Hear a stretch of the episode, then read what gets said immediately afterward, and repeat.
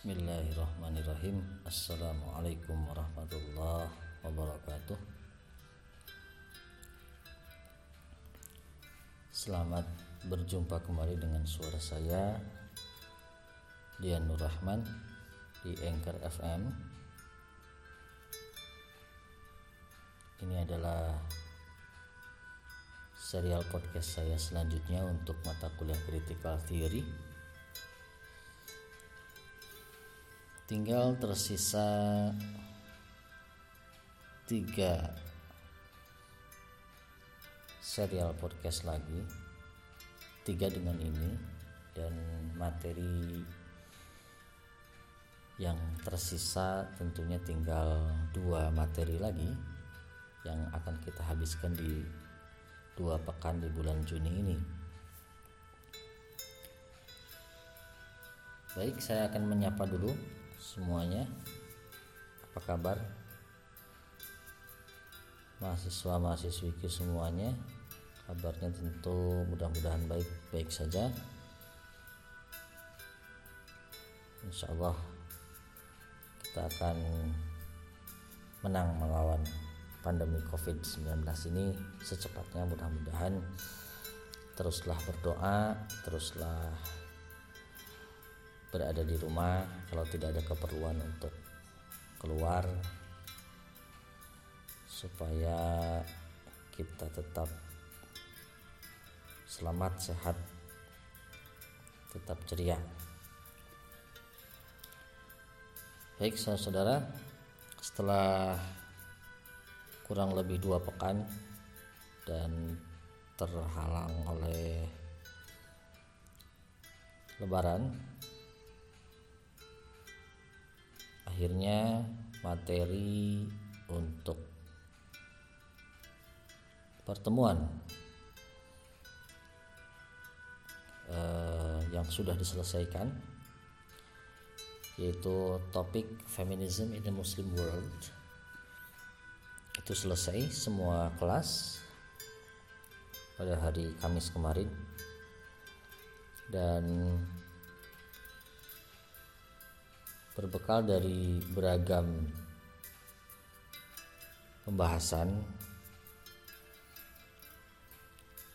yang ada di kelas kelas daring kita melalui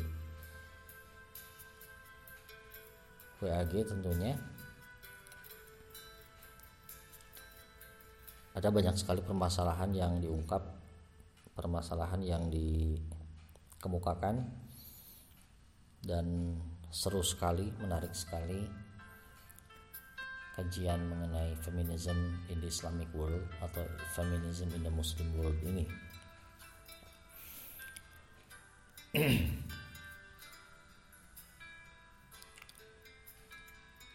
Dan saya akhirnya juga merasa tertantang untuk terus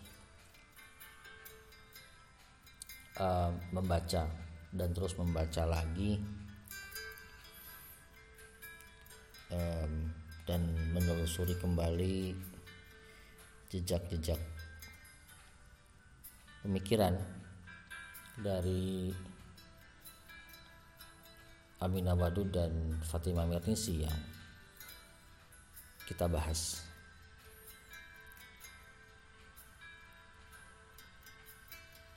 Setelah beragam diskusi kita laksanakan ada banyak sekali permasalahan sudah saya bilang tadi.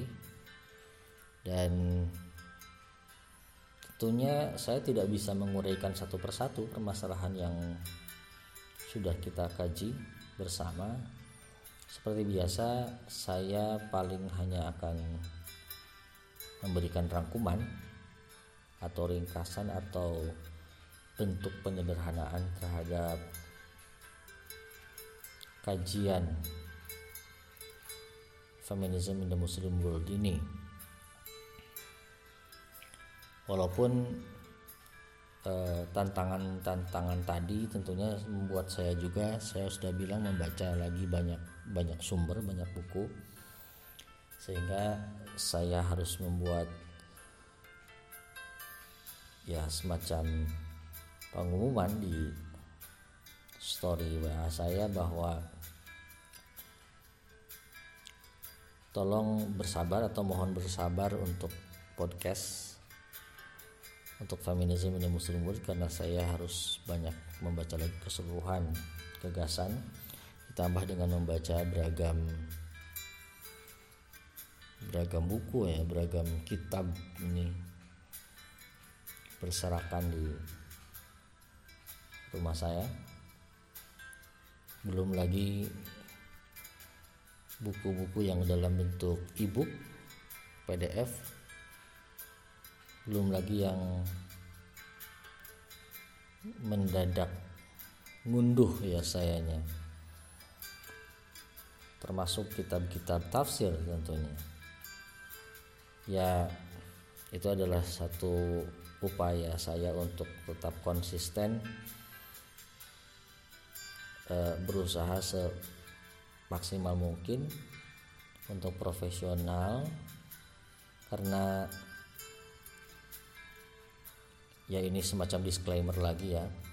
Karena apa pun bentuknya penjelasan saya saya tetap harus berpihak pada teori yang dijelaskan oleh saya. Itu adalah bentuk profesionalisme dari dari seorang dosen tentunya dari seorang pengajar atau seorang instruktur.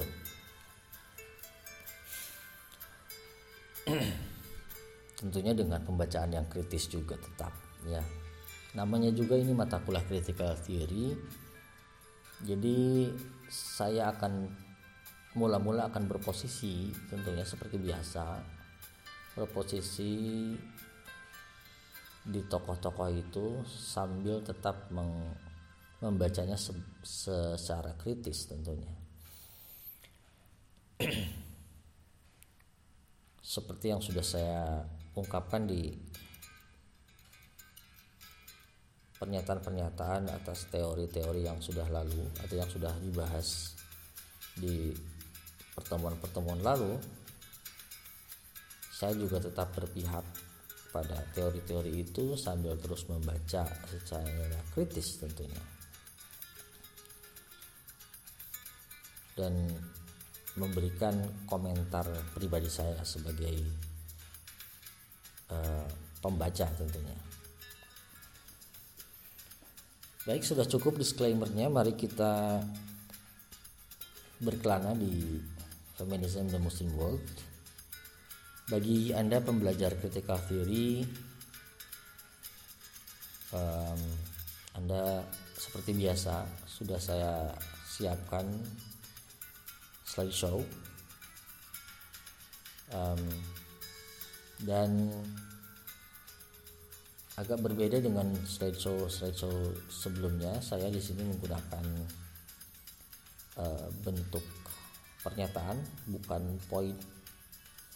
Bentuk pernyataan sebagai bagian dari ringkasan atas proses pembacaan saya terhadap Aminah Wadud dan Fatimah Mernisi dan Anda bisa langsung membuka cover slideshow saya cover PPT saya. Kalau Anda membukanya di laptop dan atau misalnya di handphone juga yang uh, di mana handphone Anda memiliki aplikasi PowerPoint anda bisa mengklik satu-satu gambar di uh, cover slideshow saya. Dan keumumannya gambar-gambar itu tidak aneh tidak asing bagi Anda. Ada orang yang ada perempuan berkerudung sedang uh, berlari ya. Olahraga atletik kayaknya ini ada perempuan berkerudung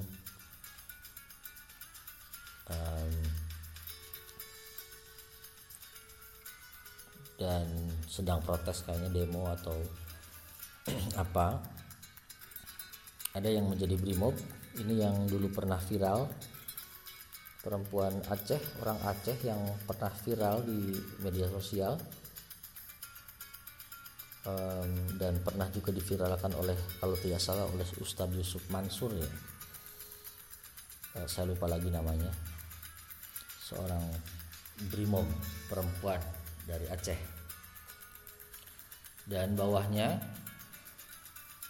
ada satpol pp perempuan berkerudung. Semuanya hampir semuanya berkerudung tapi mungkin ada yang menggelitik dan kemudian langsung membuat anda merasa heran sekaligus mungkin kaget dan entah apa mungkin di benak anda ketika melihat gambar ini. Gambar ini adalah seorang perempuan uh, berkerudung um, kemudian menggunakan baju kurung atau jilbab.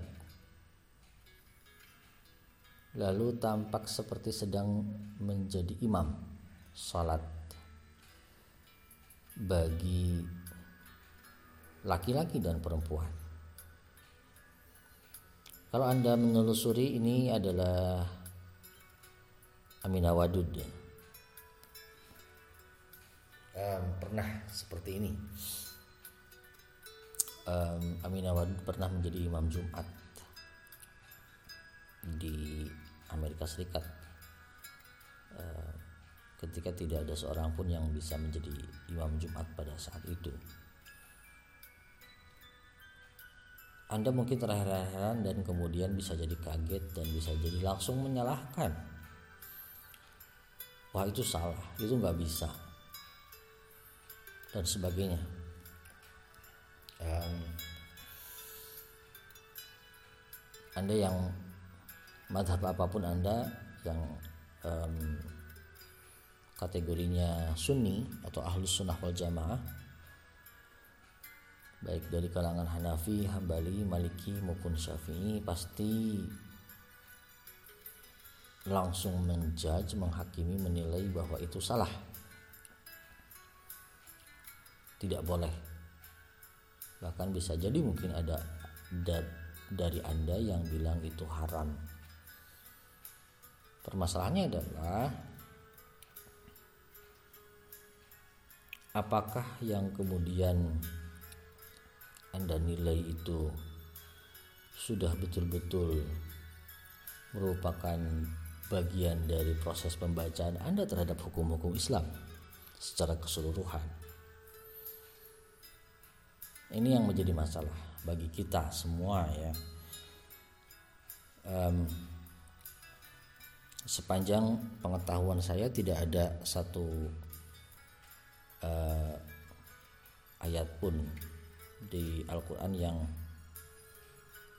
bolehkan perempuan menjadi imam salat. Yang menjadi masalah adalah lagi-lagi terkait dengan beragam corak penafsiran dari beragam ayat Al-Quran dan tentunya ditambah dengan hadis-hadis Rasulullah. Ini yang menjadi dasar yang kemudian harus kita tempatkan kita dudukkan sebagai duduk persoalan sebagai permasalahan krusial bagi topik kita feminisme ini muslim world ini.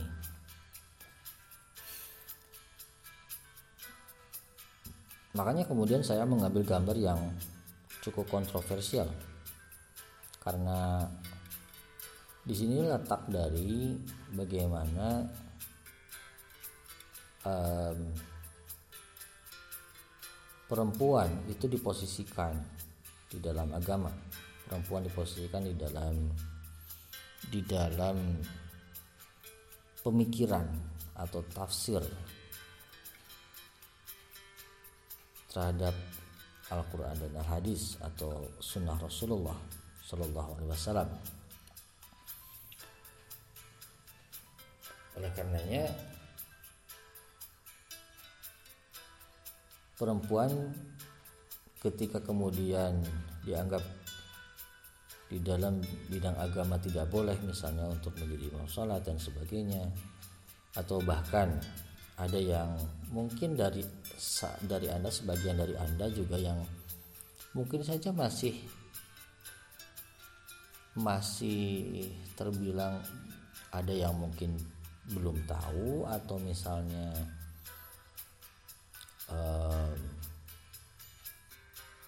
tidak ada yang pernah memberitahu atau tidak pernah membaca atau apa bahwa perempuan itu boleh sholat Jumat di masjid. Boleh. Gitu. Jadi jangan jangan heran kalau misalnya uh, anda pergi ke suatu tempat atau apalagi misalnya keluar negeri kemudian menjumpai perempuan sholat Jumat. Ya tidak tidak masalah dan tidak apa-apa. Misalnya bagian lagi itu ya bagian dari uh, konteks permasalahan yang yang sering seolah-olah bahwa perempuan bukan di situ tempatnya. Seolah perempuan bukan bukan atau tidak layak berada di situ ini yang kemudian menjadi corak dari banyak sekali tafsir banyak sekali fikih yang kemudian dianggap gitu loh dianggap dicurigai oleh para ulama kontemporer. Saya saya lebih lebih cenderung enak menggunakan kata sarjana kayaknya ya. Sarjana kontemporer gitu. Ya ulama itu kan alim orang yang berilmu gitu. Ulama ya sarjana gitu istilahnya. Scholar bahasa Inggrisnya ya. Gitu. Jadi ulama salaf ya sarjana salaf atau ulama klasik sarjana klasik sama saja gitu. Ya saya menggunakan dua hal itulah dua-duanya ya. Pakai ulama pakai diksi ulama dan juga mungkin pakai diksi juga sarjana atau scholar. Baik kita teruskan. Um,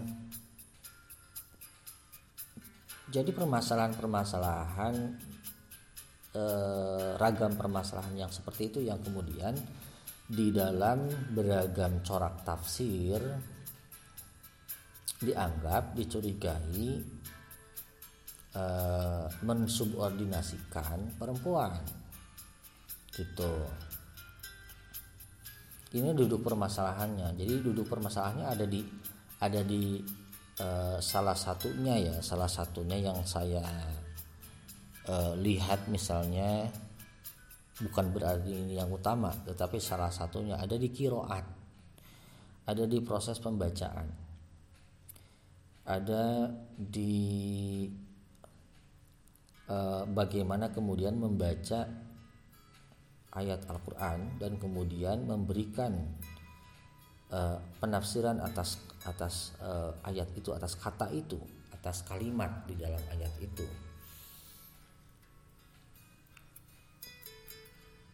Nah, ini yang kemudian harus bisa dipahami duduk permasalahannya dan kemudian melebar tidak hanya dalam fikih ibadah misalnya tapi dalam fikih muamalah di dalam uh, hubungan per, apa uh, uh, hubungan private dan publik misalnya. Uh, di dalam bahkan bahkan sampai pada proses penciptaan. Gitu. Argumen-argumen kesetaraan di argumen-argumen kesetaraan gender di diungkapkan oleh para feminis muslim ini. Lalu apakah para feminis muslim ini tidak mendasarkan pada sarjana-sarjana klasik atau ulama-ulama klasik? Sama saja mereka juga mendasarkan yang kemudian notabene nya mereka laki-laki sarjana-sarjana klasik ini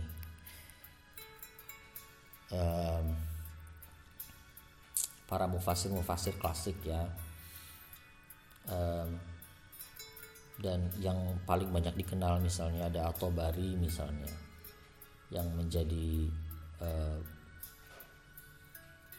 rujukan utama salah satu rujukan utama dari tafsir klasik misalnya atau bari kemudian ada Ibnu Kasir ya. Kemudian ada tafsir Jalalain misalnya Jalalain itu Jalal dua ya Jalal lain. Um, dan banyak lagi. Jadi permasalahan-permasalahan terkait dengan penafsiran ini salah satunya adalah dipengaruhi oleh proses pembacaan. Selain tentunya dipengaruhi oleh tradisi beragam tradisi yang melibatkan ruang lingkup kehidupan dari para mufasir itu sendiri. Gitu. Hasil pembacaan terhadap beragam teks yang lain tentunya juga. Beragam tradisi beragam teks dan beragam konteks yang dihadapi yang dipahami yang kemudian dijadikan tradisi oleh sarjana-sarjana salaf itu sarjana-sarjana klasik itu. Lagi-lagi di critical theory kita tidak akan mendudukan posisi hitam putih ya. Lagi-lagi pertanyaan-pertanyaan critical theory itu adalah iya gitu. Betulkah seperti itu? Jangan-jangan. Nah seperti itu ya. Jadi um, saya ingin mendudukan kembali bahwa berbicara mengenai mengenai agama itu tidak tabu. Berbicara mengenai um, tafsir itu tidak tabu. Berbicara mengenai Al-Quran itu tidak tabu. Ya. Berbicara mengenai hadis itu tidak tabu. Tidak ada yang tabu di dalam uh, apa di dalam membahas semua objek ilmu. Tidak ada yang tabu. Yang kemudian yang harus diperhatikan adalah bahwa bagaimana kemudian kita banyak membaca membandingkan ragam produk ilmu yang kemudian bersumber dari objek yang sama misalnya. Gitu. Jadi orang banyak menafsirkan Al-Quran sama objeknya Al-Quran tetapi kemudian kenapa misalnya beberapa tafsiran dari Al-Tabari misalnya agak berbeda dengan Ibnu Kasir misalnya. Beberapa dari Ibnu Kasir misalnya agak berbeda dengan dengan Jalalain misalnya. Bahkan beberapa tafsiran dari atau banyak tafsiran dari atau Bari Ibnu Kasir Jalalain misalnya itu relatif e, sangat berbeda dengan tafsiran dari sarjana kontemporer misalnya yang um, yang saya anggap sarjana kontemporer itu atau misalnya banyak orang menganggap bahwa pembaharuan di dalam Islam misalnya itu kan tidak tidak tertutup hanya di sarjana-sarjana klasik saja. Ijtihad itu pintu ijtihad itu masih selalu akan terbuka. Makanya saya meng, e, mengikuti dari eh, kategori pengkategorian dari Harun Nasution misalnya Muhammad Abduh misalnya itu corak tafsirnya dengan tafsir Al-Manar itu sangat berbeda dengan sarjana-sarjana pendahuluannya ya, termasuk Jalalain Ibnu Kasir misalnya dan sebagainya. Bahkan yang sama-sama pembaharu pun Muhammad Abdul dengan Sayyid Kutub misalnya itu berbeda corak tafsirnya. Um, jadi salah satu permasalahan utama dari dari ragam kritik para feminis muslim itu adalah bukan Al-Qur'annya. Mereka tetap menganggap bahwa Al-Qur'an itu divine. Itu suci abadi, itu mengandung betul-betul itu adalah kalam Tuhan. Yang menjadi masalah adalah bukan teksnya, bukan Al-Qur'an sebagai wahyu Tuhannya, tetapi adalah bagaimana cara menafsirkan teks atau wahyu Tuhan itu yang kemudian banyak dipengaruhi oleh nuansa budaya yang dicurigai oleh para feminis sebagai patriarki gitu. Tidak dapat dipungkiri bahwa dunia Arab itu adalah tradisinya patriarkinya kental banget. Termasuk jangankan di Arab, termasuk patriarki itu di hampir di semua di semua tempat ya di, di belahan dunia. Gitu. Di, bahkan di Eropa patriarki itu sangat kental. Di kita di Indonesia juga patriarki itu sangat kental dan sebagainya. Sehingga banyak dicurigai oleh para feminis muslim banyak dari um,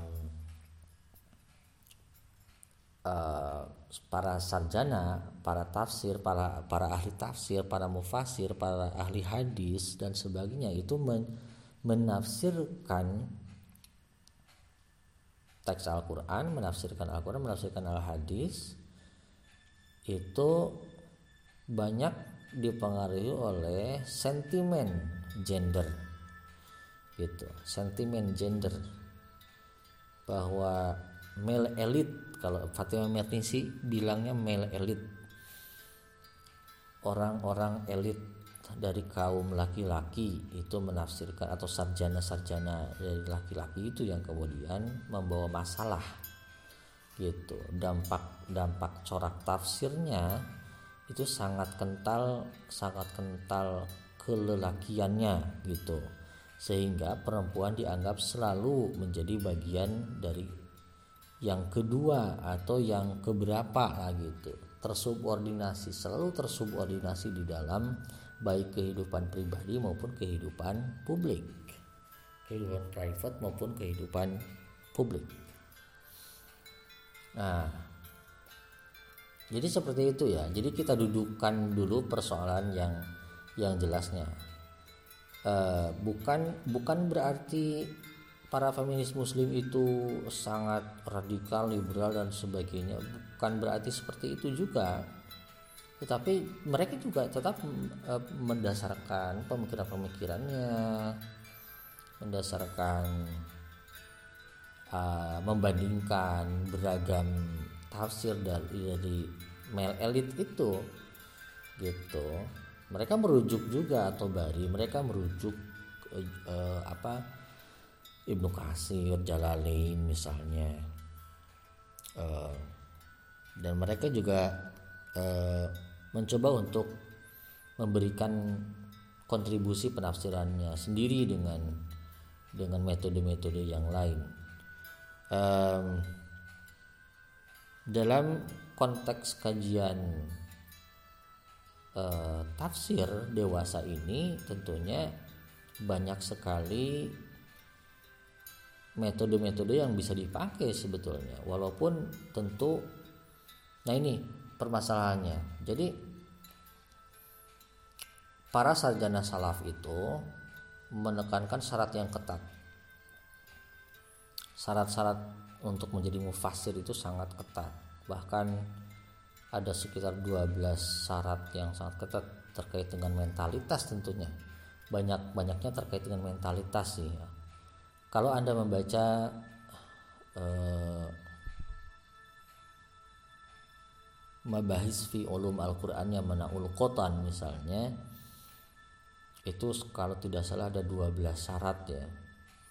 Dimulai dari kuatnya akidah kemudian eh, faham bahasa Arab paham hukum-hukum dan apa kaidah-kaidah bahasa Arab kemudian menafsirkan Al-Quran dengan Al-Quran menafsirkan Al-Quran dengan Al-Hadis dan macam dan macam-macam lah uh, ada ada sekitar 12 syarat kalau nggak salah untuk menjadi seorang mufasir.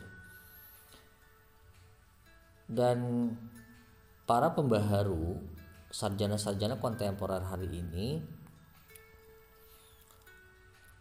itu bukan menolak ya. Bukan menolak tetapi bukan menolak syarat-syarat itu atau bukan menolak eh, metode-metode tafsir yang yang umum digunakan. Kan yang umum digunakan ya kalau anda mengikuti perkuliahan ulumul Quran itu kan ada ada tiga ya yang umum digunakan oleh para mufasir. Ada metode tafsir tahlili yang yang umum biasa digunakan oleh para mufasir salaf ya mufasir klasik atau dari Ibnu Kasir Jalalain semuanya itu menggunakan metode tahlili yang mem membahas dari awal surah sampai akhir surah dari Al-Fatihah sampai An-Nas itu. 30 juz 30 juznya dibahas walaupun tentunya ada kecenderungan beberapa mufasir juga yang uh, tidak terlalu banyak membahas satu ayat misalnya tetapi cukup detail membahas ayat yang lain misalnya. Itu tergantung dari preferensi. Uh, misalnya di Indonesia misalnya ada mufasir Tengku Muhammad Hasbi Asidiki. Bukan Pak Hasbi Asidiki dosen kita ya uh, ini Tengku Muhammad Hasbi Asidiki dari Aceh. Uh, beliau menulis tafsir um, aduh saya lupa lagi tafsir judul tafsirnya tafsir apa nama tafsirnya gitu. Itu misalnya lebih cenderung misalnya eh, preferensi penjelasannya lebih ke hukum. Karena kebetulan beliau adalah ahli fikih Tengku Muhammad Asbi Asidiki ini salah seorang guru besar di eh, IAIN Sunan Kalijaga Yogyakarta dulu. Kalau tidak salah ya kalau tidak salah di IAIN dulu IAIN sekarang UIN Sunan Kalijaga Yogyakarta Nah seperti itu, itu metode tafsir tahlili. Yang kedua ada metode tafsir ijmali. Ijmali itu nah ini harusnya antara Pak Dadan Rusmana ya, Pak Ujang gitu, Pak Ujang Suyatman yang jelasinnya ya ya kayak saya kayak seorang apa pakar tafsir aja padahal biasa saja ya ya metode tafsir ijmali sama seperti tahlili cuma agak ringkas gitu. Cuma agak ringkas. Nah, yang ketiga misalnya yang yang kontemporer biasanya biasanya itu dan sering dan sering munculnya mulai abad 19 ya. Itu tafsir maudhu'i atau tafsir-tafsir tematik. Um, Quraisy Shihab misalnya itu menulis uh, sebuah judul buku wawasan Al-Quran. Tafsir maudhu'i atau tafsir tematik atas berbagai persoalan umat. Saya juga nanti akan menyadarkan pem, pe, apa Eh, penjelasan saya ke sini. Ini tafsir maudhu'i salah satu contohnya uh, wawasan Al-Quran dari Quraisyhab dan tapi Quraisyhab juga menulis tafsir Al-Misbah ya tafsir Al-Misbah yang yang sama saja itu menggunakan metode tahlili itu yang 30 juz itu semuanya. Uh, orang Indonesia banyak cukup banyak ya. Um, dulu pendahulu sebelum sebelum uh, Quraisy ada Hamka juga. Hamka menulis tafsir Al Azhar nah, 30 juz juga itu pakai metode tahlili juga. Yang pakai metode maudhu'i itu memang masih masih eh, jarang. Atau kalau hari ini ya banyaknya justru pakai maudhu'i sebagai contoh juga misalnya Fazlur Rahman sebagai eh, seorang sarjana atau ulama kontemporer masih hidup kalau tidak salah. Fazlur Rahman di Amerika Serikat menjadi guru besar di universitas apa ya? Saya lupa lagi. Fazlur Rahman salah satunya misalnya menulis major themes in Quran. Tema-tema umum tema-tema mayor tema-tema pokok di dalam Al-Quran. Itu juga menggunakan metode tafsir maudhu'i. Ada penciptaan manusia manusia sebagai individual manusia sebagai society dan sebagainya. Eh manusia di dalam masyarakat manusia eh, di di masyarakat misalnya dan sebagainya. Dan pembahasan mengenai perempuan misalnya yang coraknya lebih lebih agak lebih ad, bukan agak lebih adil lah gitu. Dalam melihat posisi perempuan itu ada di di judul men uh, in society itu. Kalau di wawasan Al-Qur'annya Quraisy Shihab itu ada di bab perempuan. Um, bagian ketiga wawasan Al-Quran tentang manusia dan masyarakat. Ada perempuan. Nah ini sama hampir-hampir sama lah dengan dengan Fazlur Rahman ya pola-polanya.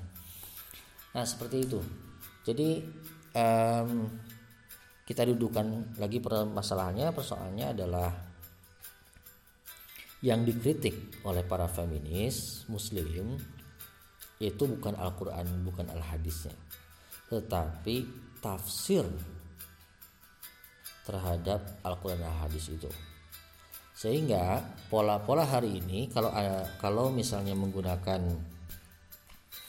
eh, saya melihat kembali buku metodologi penelitian agama karya Profesor Imam Supriyogo dari UIN Malang ini mantan rektor UIN Malang kalau tidak salah kebetulan saya punya bukunya metodologi penelitian agama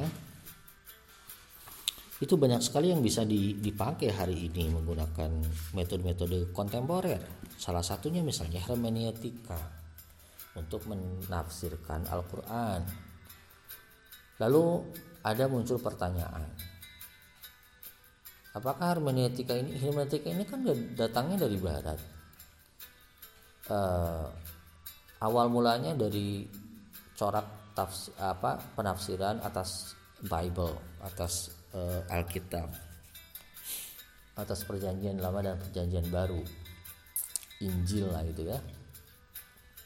Apakah ini tidak mengganggu uh, originalitas dari Al-Quran. Nah pertanyaannya saya balikan begini. Apakah apakah metode tafsir tahlili ijmali maudhu'i juga tidak terbebas dari itu? Tidak terbebas uh, apakah metode-metode tafsir itu juga tidak terbebas dari permasalahan itu pertanyaannya kan bisa dibalik seperti itu juga. Ya kalau anda atau kalau misalnya ada dari anda atau siapa pun ya mudah-mudahan tidak ada ya yang tidak bisa menerima ini semua ya ya kan silakan ditinggalkan saja gitu. Tidak menjadi masalah toh tidak tidak menjadi rugi gitu loh wah misalnya ini ini gak bisa hermeneutika tidak bisa untuk untuk Al-Quran. Hermeneutika ini untuk untuk Bible. Tidak bisa diterima. Kan ada metode tafsir itu. Metode tafsir ya seperti mana ulu koton misalnya mengungkapkan begini begini begini seperti uh, apa uh, Ibnu Kasir misalnya mengkaram begini-begini dan sebagainya. Satu hal yang mungkin perlu diingat adalah bahwa di dalam proses membuat atau menafsirkan Al-Quran tafsir-tafsir zaman dulu tafsir-tafsir klasik juga sarjana-sarjana klasik juga classical scholars itu banyak yang dianggap terpengaruh oleh ayat-ayat Israeliat walaupun dengan metode tafsir yang cenderung dalam tanda petik mungkin lebih islami ya karena karena datang dari atau dan apa karena lahir dari uh, proses untuk memahami Al-Qur'an. Itu sendiri dari kalangan muslim sendiri. Ya ayat-ayat Israiliyat di beberapa sisi mungkin bisa menambahkan pengetahuan bagi kita karena tidak dapat dipungkiri bahwa ada kisah Nabi Isa, ada kisah Nabi Musa, ada kisah Nabi Ibrahim yang notabene bangsa Israel. Tradisi-tradisi mereka juga banyak cukup banyak dijelaskan di dalam ayat-ayat Al-Qur'an. Seperti itu. Nah, tapi misalnya yang yang menjadi masalah adalah banyak juga ayat-ayat Israeliat yang kemudian dijadikan sandaran untuk menafsirkan Al-Quran terutama dalam hal atau dalam konteks perempuan. Gitu. Salah satunya dalam proses penciptaan perempuan. Gitu jadi kita dudukan seperti itu dulu. Nah akhirnya saya kemudian menelaah banyak sekali terjemahan. Dalam Inggris saya saya akan mencoba eh, apa ya bukan mencoba. Kebetulan saya tidak mencantumkan di slideshow saya. Uh, saya tidak screenshot screenshot atau tangkapan layar atau saya tidak menangkap layar dan tidak menyertakannya di sini. Um, saya membaca beragam terjemah Inggris, Al-Quran terjemah Inggris. Um, yang pertama adalah dari Marmaduke Piktol, seorang berkebangsaan Inggris muslim eh, awalnya bukan tetapi menjadi mualaf kemudian muslim dan meninggal dalam keadaan muslim. Beliau juga seorang sastrawan. Mungkin ada yang sudah kenal ada yang belum. Kemudian saya membaca juga yang cukup masyur di kalangan eh, sarjana sarjana hari ini um, mungkin sangat masyur ya karena um, terjemahan Inggris ini diakui sebagai terjemahan yang yang ini diakui sebagai terjemahan yang cukup atau yang paling kalau kalau cukup kalau saya sih mengatakannya cukup kalau untuk tidak mengatakan paling. Cukup otoritatif dan representatif yaitu terjemahan dari Abdullah Yusuf Ali. Abdullah Yusuf Ali. Kemudian saya membaca juga selain dari Marmaduk Piktol Abdullah Yusuf Ali. Kemudian dari yang lebih kontemporer itu dari MAS Abdul Halim. Kemudian juga dari Talal Talal Itani. Dan beberapa yang lain juga masih ya eh, saya membaca yang lain juga dan menemukan beragam perbedaan ternyata di dalam menerjemahkan beberapa ayat yang ada kaitannya dengan konteks perempuan. Untuk penciptaan perempuan misalnya uh, Anisa ayat 1 Anisa ayat 1 bunyi ayatnya di dalam Arabnya redaksinya adalah Bismillahirrahmanirrahim ya ayat Tuhan eh, eh bukan. Eh, sebentar. Bismillahirrahmanirrahim. Ya ayuhan nasu taqu rabbakumul ladzi khalaqakum min nafsi wahidah. Min nafsi wahidatin wa khalaqa minha zawjaha wa batha minhuma rijalan katsiran wa nisaa wattaqullaha alladzi tasaaluna bihi wal arham. Innallaha kana 'alaikum raqiba. Sadaqallahul azim. Um, ya ayuhan nasu taqu rabbakum alladzi wahai di dalam bahasa Indonesia-nya wahai sekalian manusia. Wahai sekalian manusia loh ya.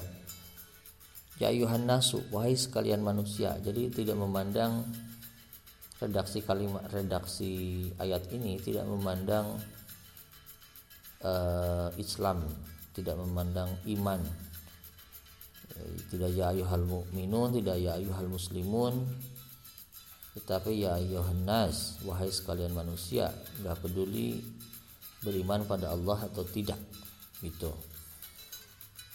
Seruan untuk seluruh manusia um, di Abdullah Yusuf Ali misalnya saya menemukan uh, maaf saya menemukan beberapa perbedaan dari terjemahan-terjemahan ini. Di terjemahan Indonesia-nya kita saya baca. Ya Yohan nasu wahai sekalian manusia ittaqu rabbakumul ladzi bertakwalah kalian semua kepada Tuhanmu alladzi yang yang khalaqakum yang menciptakan kamu min nafsi wahidah dari diri yang satu. Wa khalaqa minha dan daripadanya minha zaujaha diciptakan istrinya. Ini yang terjemahan Indonesia depag ya. Istrinya. Dan daripada keduanya Allah mengembangbiakan laki-laki dan perempuan yang banyak. Rijalan kathiro wanisa Nah, sampai di situ dulu uh, ada wakaf sampai di situ dulu. Yang menjadi permasalahan, titik permasalahan adalah terkait dengan diksi nafsi wahidah. Nah, jadi untuk terjemahan Indonesia dari Depag atau dari Kemenag kita menemukan bahwa nafs nafsi wahidah diri yang satu itu dikategorikan Adam karena dipahami zaujaha wa khalaqa zaujaha itu istrinya. Seperti itu. Itu untuk terjemahan Indonesia. Kita lihat misalnya untuk ah, kalau anda bisa sih sebetulnya. Ada yang online-nya ya yang Abdullah Yusuf Ali. Uh, silahkan di, dilihat saja di search O mankind, reference your guardian Lord who created you from a single person. Ini mirip ya. Uh, created of like nature his mate, and from them twain scattered like seeds countless men and women. Dan dari sini saja ini sudah kelihatan ini mirip dengan yang terjemahan Indonesia bahwa di sini diungkapkan single person tapi padahal yang dimaksud kemudian nafs di sini juga Abdullah Yusuf Ali menerangkan di komentarnya di bawah terjemahan itu nafs may mean soul, self, person, living person, will, good, pleasure dan sebagainya. Dan dan uh, kemudian um, particle mean would then suggest here not a portion or a source of something else, but a species, a nature, a similarity. Ya ini kemudian yang seolah-olah bagi bagi sebagian kalangan ulama-ulama hari ini misalnya Quraisy juga memandang bahwa nafsi wahidah itu nafs di situ bukan bukan Adam tetapi lebih ke spirit misalnya gitu. Jadi ini ini lebih lebih meng, meng, apa, menggambarkan equality ya kesamaan.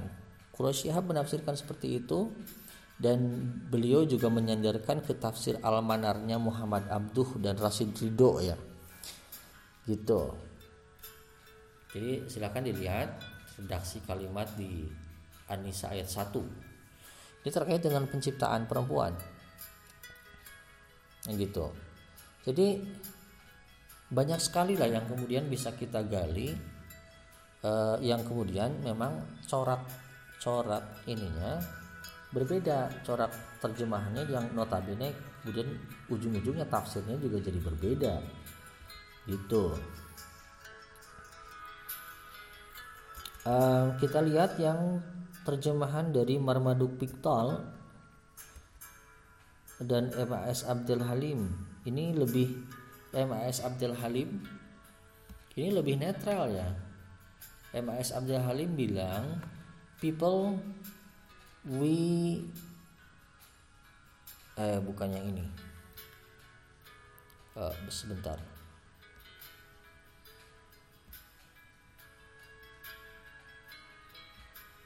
um, mana ya?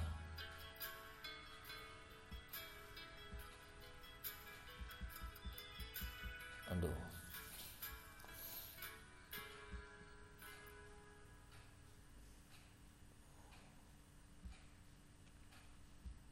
Yang dari MAS Abdul Halim. Anissa ayat 1 nah yang ini. Uh, yang yang diakui oleh uh, bukan diakui maksudnya otoritas terjemahannya diakui oleh banyak masyarakat muslim di Amerika Serikat. Bahasanya bagus dari MAS Abdul Halim. Bahasanya begini People be mindful of your Lord who created you from a single soul. Coba tadi yang yang yang um, Abdullah Yusuf Ali itu single person menafsirkan atau menerjemahkan nafsi wahidah itu single person sekarang di MAS Abdul Halim uh, dia menuliskannya who created you from a single soul and from it bukan from his bukan his mate tapi from it created its mate. And from the pair of them spread countless men and women far and wide. Nah begitu. Jadi ini ada ada perbedaan kan? Ada perbedaan di dalam membaca menafsirkan bahwa nafsi wahidah nafs di sini adalah nah ini terjemahan yang seperti ini yang kemudian digunakan oleh para feminis muslim untuk untuk mengapa uh, menyatakan bahwa ini lebih lebih egaliter, lebih equal itu proses penciptaan Adam eh, proses penciptaan manusia itu. Laki-laki mau laki-laki mau perempuan sama dari ruh dari jenis yang sama. Nah, dan jenis yang sama itu apa? Yaitu misteri Tuhan. Tuhan yang tahu Allah yang tahu. Apakah itu ruh Tuhan? Gitu kan? Yang kemudian dipancarkan ke menjadi manusia apakah itu itu tanah? Itu dan sebagainya. Misteri misteri Tuhan kita tidak masuk di situ. Nah jadi corak tafsir yang yang kemudian lebih lebih maskulin itu dihilangkan itu diserang gitu. Karena memang bahasa secara bahasa Arab nafsi wahidah nafs itu adalah yang pertamanya adalah soul jiwa ruh. Begitu maknanya. Uh, di tafsir yang um, Ibnu Kasir misalnya ketika menafsirkan wa khalaqa minha zaujaha di bawahnya di, diungkapkan Siti Hawa diciptakan oleh Allah dari tulang rusuk sebelah kiri bagian belakang Adam ketika Adam sedang tidur. Saat Adam terbangun, ia merasa kaget setelah melihatnya, lalu ia langsung jatuh cinta kepadanya. Nah, ini kan kalau Anda mengamati ini adalah sama dengan yang ada di Bible. Di Genesis kitab kejadian bab 2 ayat 21 ya. Bab 2 ayat 21 kalau nggak salah. Ya saya buka Bible. Bab 2 ayat 21 and the Lord God caused a deep sleep to fall upon Adam and he slept and he took one of his ribs and closed up the flesh instead thereof. Dan Tuhan uh, dan ayat 21 ini ya and the Lord God dan Tuhan Allah caused a deep sleep to fall upon Adam menidurkan Adam and he slept. Dan Adam tertidur and he took one of his ribs. Dan Tuhan mengambil salah satu tulang rusuknya and close up the flesh instead thereof dan kemudian menutupkan kembali dagingnya. Ayat 22 nya ya and the rib which the Lord God had taken from man made he a woman and brought her unto the man. Dan tulang rusuk yang diambil itu dari laki-laki itu dia buat menjadi perempuan gitu. Dia buat menjadi perempuan and brought her unto the man dan membawanya ke hadapan Adam. Nah ini ini apa jadi? Ini saya saya selalu merasa loh ini berarti Ibnu Kasir itu terpengaruh oleh ayat-ayat Israeliat dalam menafsirkan ini gitu loh jadi kalau anda masih percaya dengan bahwa yang perempuan terutama ya eh, bahwa jodoh saya itu disebutnya tulang rusuk gitu ya ya berarti anda percaya dengan Bible dong. Betul misalnya ada ada hadis yang eh, apa menyatakan bahwa dan ini hadis sahih ya bahwa perempuan itu tercipta dari tulang rusuk. Tetapi ada uh, albar atau kholikot uh, dilain uh, seperti itu redaksinya dan ke sananya ada lagi. Tapi ada hadis lagi yang lain sahih juga itu armar atau kadilain yang pertama khuliqat min lain yang kedua kadilain ulama-ulama terdahulu sarjana salaf sarjana klasik menafsirkan itu secara secara literal literal. Tercipta dari tulang rusuk. Itu pula yang kemudian dibahas oleh Quraisy Shihab. Ya Quraisy Shihab. Jadi kalau Quraisy Shihab lebih cenderung ke seperti Muhammad Abdu, seperti Rasul Ridho di dalam tafsir Al-Manar bahwa itu uh, jadi begini di dalam tafsir Al-Manar bab 4 halaman 330 yang saya kutipkan dari Quraisy Shihab wawasan Al-Qur'an Seandainya tidak tercantum kisah kejadian Adam dan Hawa dalam kitab perjanjian lama seperti redaksi di atas, redaksi yang saya yang saya bacakan barusan langsung dari Holy Bible yang King James Version. Niscaya pendapat yang menyatakan bahwa wanita diciptakan dari tulang rusuk Adam tidak pernah akan terlintas dalam benak seorang muslim. Begitu. Ini silakan. Anda mau percaya yang mana? Apakah Anda masih mempercayai Ibnu Kasir? Wah, Ibnu Kasir tidak bisa ditolak. Itu ulama, orang pintar dan oh, ya mufasir gitu. Soleh keimanannya kuat. Iya. Tetapi apakah betul memang seperti itu? Di dalam menafsirkan Al-Quran toh kenapa kemudian hari ini Muhammad Abdul misal oh, bukan hari ini. Abad abad 19 ya menuju abad 20 uh, eh, Muhammad Abdul itu di Mesir. Dan Rashid Ridho muridnya. Itu kolaborasi sih tafsir Al-Manar itu kolaborasi ya antara Muhammad Abduh, Syekh Muhammad Abduh dan muridnya Muhammad Rasid Ridho. Itu. Tapi Muhammad Abduh dan Rasid Ridho menafsirkan lebih nafs itu adalah ruh. Gitu. Dan tidak mempercayai adanya tulang rusuk uh, perempuan tercipta dari tulang rusuk laki-laki.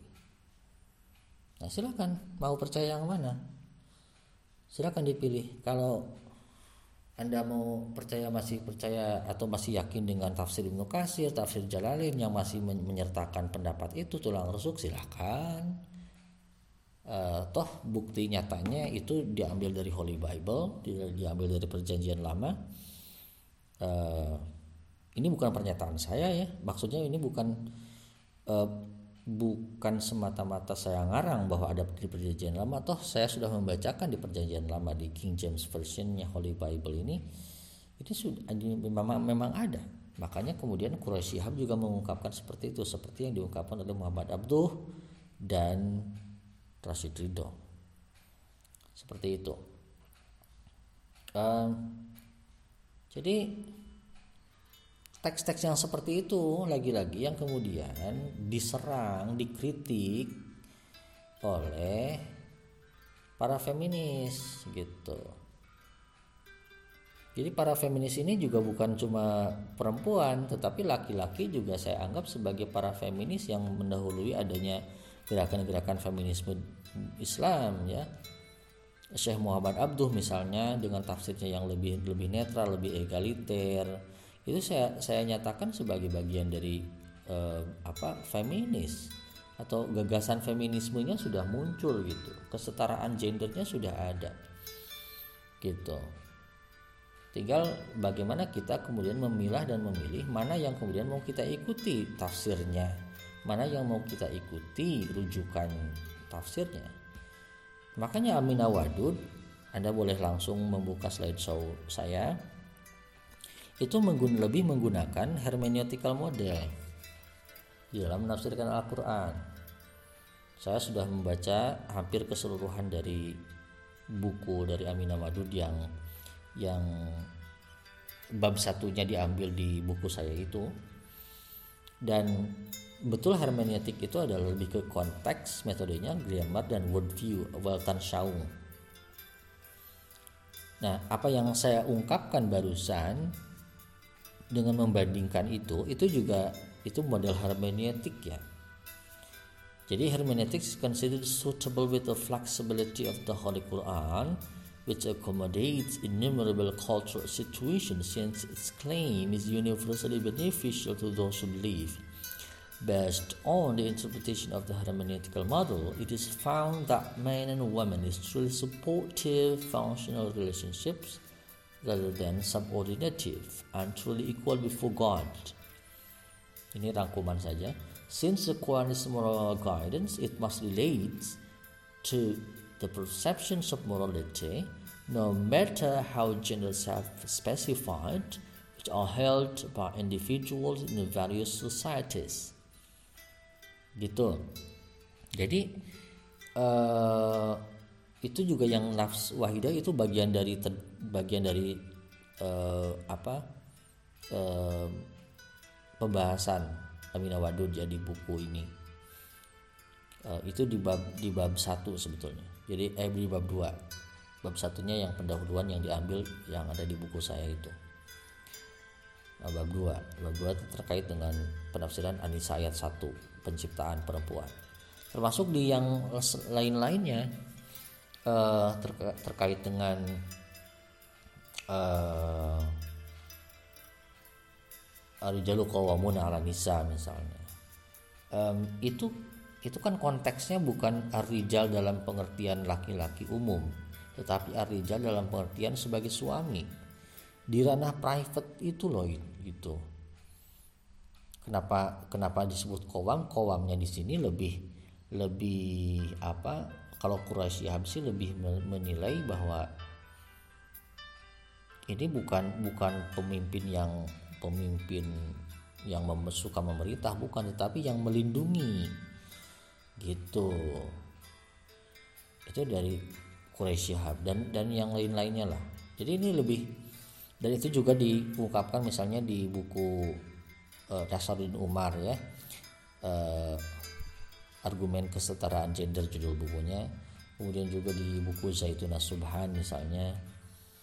Dan buku-buku yang di Indonesia itu udah udah lumayan banyak ya udah lumayan banyak uh, yang terkait dengan itu. Nah begitulah ya.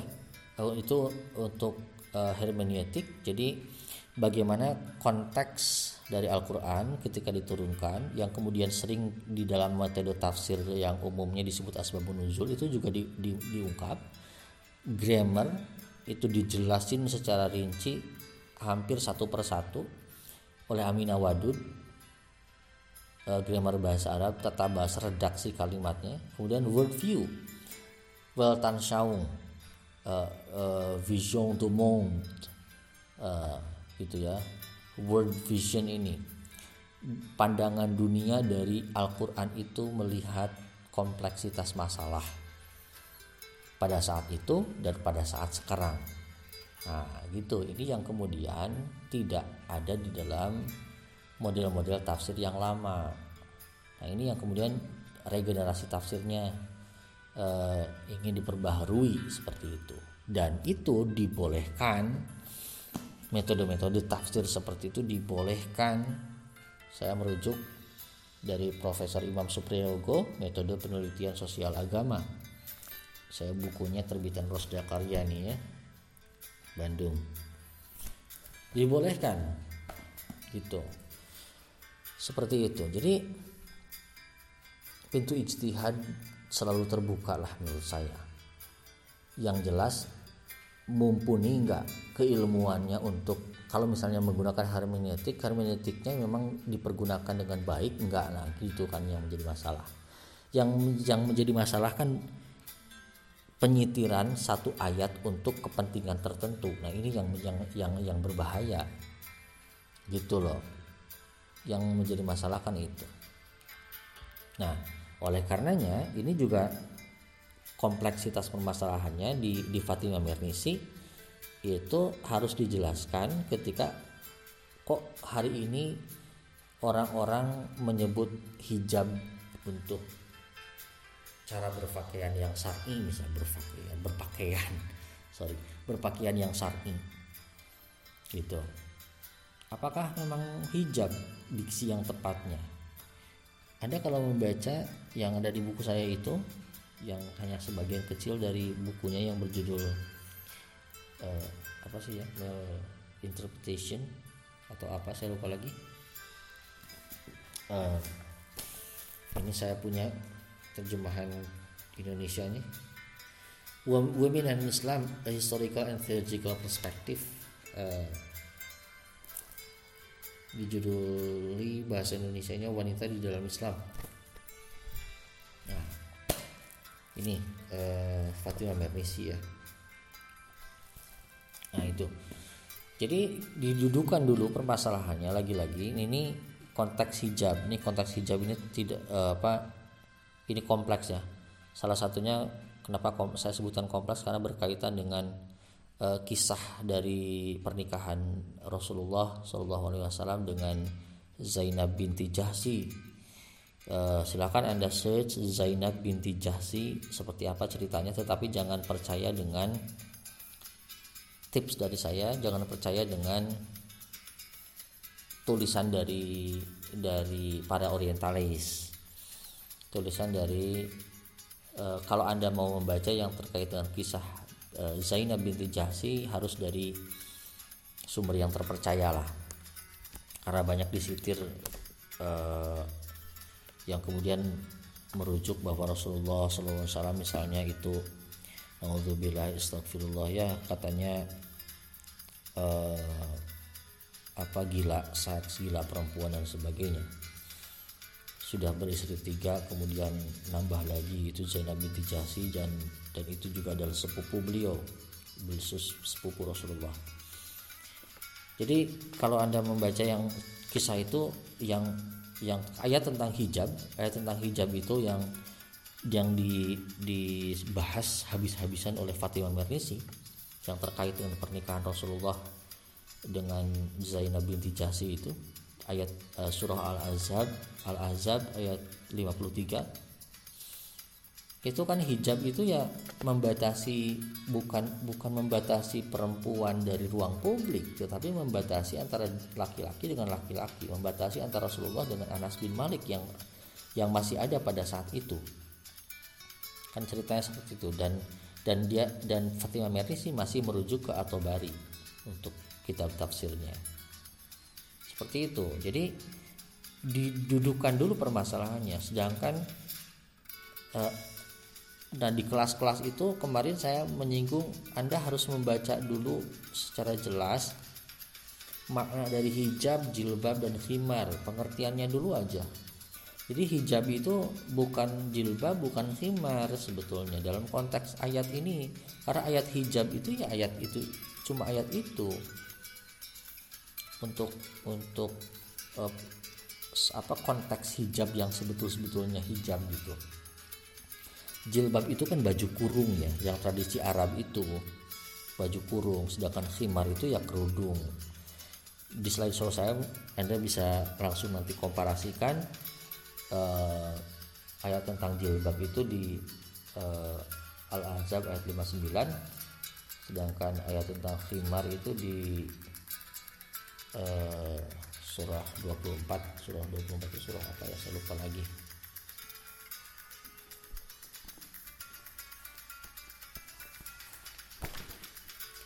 surah 24 itu An-Nur. Surah An-Nur ayat 31 dan Fatimah Merisi mengemukakan bahwa ada tiga dimensi konsep hijab, visual, spatial, ethical, dan itu sangat sangat historis uh, related directly to the personal life Rasulullah SAW terkait dengan pernikahan beliau itu tadi. Jadi tahun-tahun itu adalah tahun-tahun yang yang yang begitu membuat kacau uh, kehidupan Rasulullah sehingga banyak hal yang yang terjadi. Uh, kisahnya menarik ya kalau anda memiliki buku sejarah hidup Muhammad atau hayat Muhammad karya Muhammad Hussein Haikal. Ada satu bab khusus yang menceritakan pernikahan Eh, Rasulullah dengan Zainab binti Jahsi ini. Ini buku Hayat Muhammad ini 718 halaman ya. ya Alhamdulillah saya pernah menamatkan untuk membaca ini. Dan dibaca lagi untuk konteks ini. Jadi ayat tentang hijab itu terkait dengan itu. Jadi silahkan dibaca. Asbabun nuzulnya. Di spatial dimension. Kemudian yang menjadi masalah kata Fatimah Mernisi adalah kenapa hari ini on behalf of protecting women from change katanya atas nama melindungi perempuan dari perubahan perubahan dari dunia barat uh, apa pengaruh barat dan sebagainya the 20th century understanding of hijab is then justified by many elite intellectuals to be the separation between woman and the public space. Jadi yang maksud di, di hijab berhijab itu perempuan ditutupi semuanya, tubuhnya ditutupi dan kemudian dikembalikan ke private life. Gitu. Ini ini yang kemudian di, dicoba untuk dikonstruksi oleh oleh oleh Fatima Mernisi gitu. Kok kenapa seperti itu? Kenapa misalnya banyak orang yang akhirnya hari ini tradisi-tradisi salaf itu muncul kembali dan kemudian memakai burqa ya memakai nikob dan sebagainya. Dan kemudian banyak yang apa saya sering melihat bukan bukan bukan julid ini tetapi memang uh, melihat realita bahwa ya mereka seolah-olah tertutup gitu kan dan memang kemudian uh, celananya pada cingkrang semua yang laki-laki ya ini dan hitam-hitam gitu kan. Ya saya pikir ini ini ada apa dan ini kayaknya terkait juga dengan kritikan tajam dari Fatima Mernisi ini. Woman is then confined, veiled, and closed through patriarchal male interpretation toward the concept of hijab. Jadi seolah-olah dengan kata hijab apalagi dengan sudah diambil-ambil hijab syar'i gitu jadi padahal banyak orang Indonesia memahami hijab itu adalah kerudung padahal kerudung itu adalah khimar bukan hijab. Kan gitu. Nah ini yang kemudian perlu kita baca lebih lanjut. Nah kurang lebih seperti itu. Uh, oh iya satu lagi. Mungkin anda yang dari pesantren pernah membaca atau pernah mengaji kitab Uqudul Jain fi bayani hukuki zaujain karya dari Syekh Imam Nawawi Al-Bantani. Jadi uh, kalau Anda membaca terjemahannya dan Anda misalnya pernah melihat story WA saya, saya pernah memposting ini jadi hampir redaksi-redaksi di kitab ini yang yang awalnya memang ditujukan untuk etika berumah tangga tetapi banyak sekali isinya mensubordinasikan perempuan. Nah, ini yang kemudian saya nyatakan kembali lagi-lagi teks-teks yang seperti inilah yang yang yang dikritisi oleh para feminis muslim. Para feminis muslim se apa saya saya nyatakan lagi para feminis muslim tidak pernah mengkritisi Al-Qur'an. Mereka tidak pernah mengubah ayat apa pun mereka tidak pernah mengubah hadis apa pun yang mereka permasalahkan yang mereka uh, ingin kritik ingin ubah adalah cara menafsir dari Al-Quran itu sendiri yang sangat dipengaruhi sangat kental dengan uh, apa budaya patriarki dan tentunya sangat dipengaruhi oleh beragam konstruksi yang sangat bias gender. Makanya Zaituna Subhan misalnya seorang profesor di YIN eh, UIN Surabaya itu menulis buku dengan judul Tafsir Kebencian. Nah, Tafsir Kebencian itu pembahasan mengenai betapa banyak masih banyak sekali di, di buku itu diungkap. Kata Zaituna Subhan eh, profesor di UIN Surabaya itu banyak masih banyak sekali teks-teks yang kemudian atas nama agama melegalkan subordinasi dan bias gender. Subordinasi perempuan dan tentunya sangat bias gender. Nah seperti itu.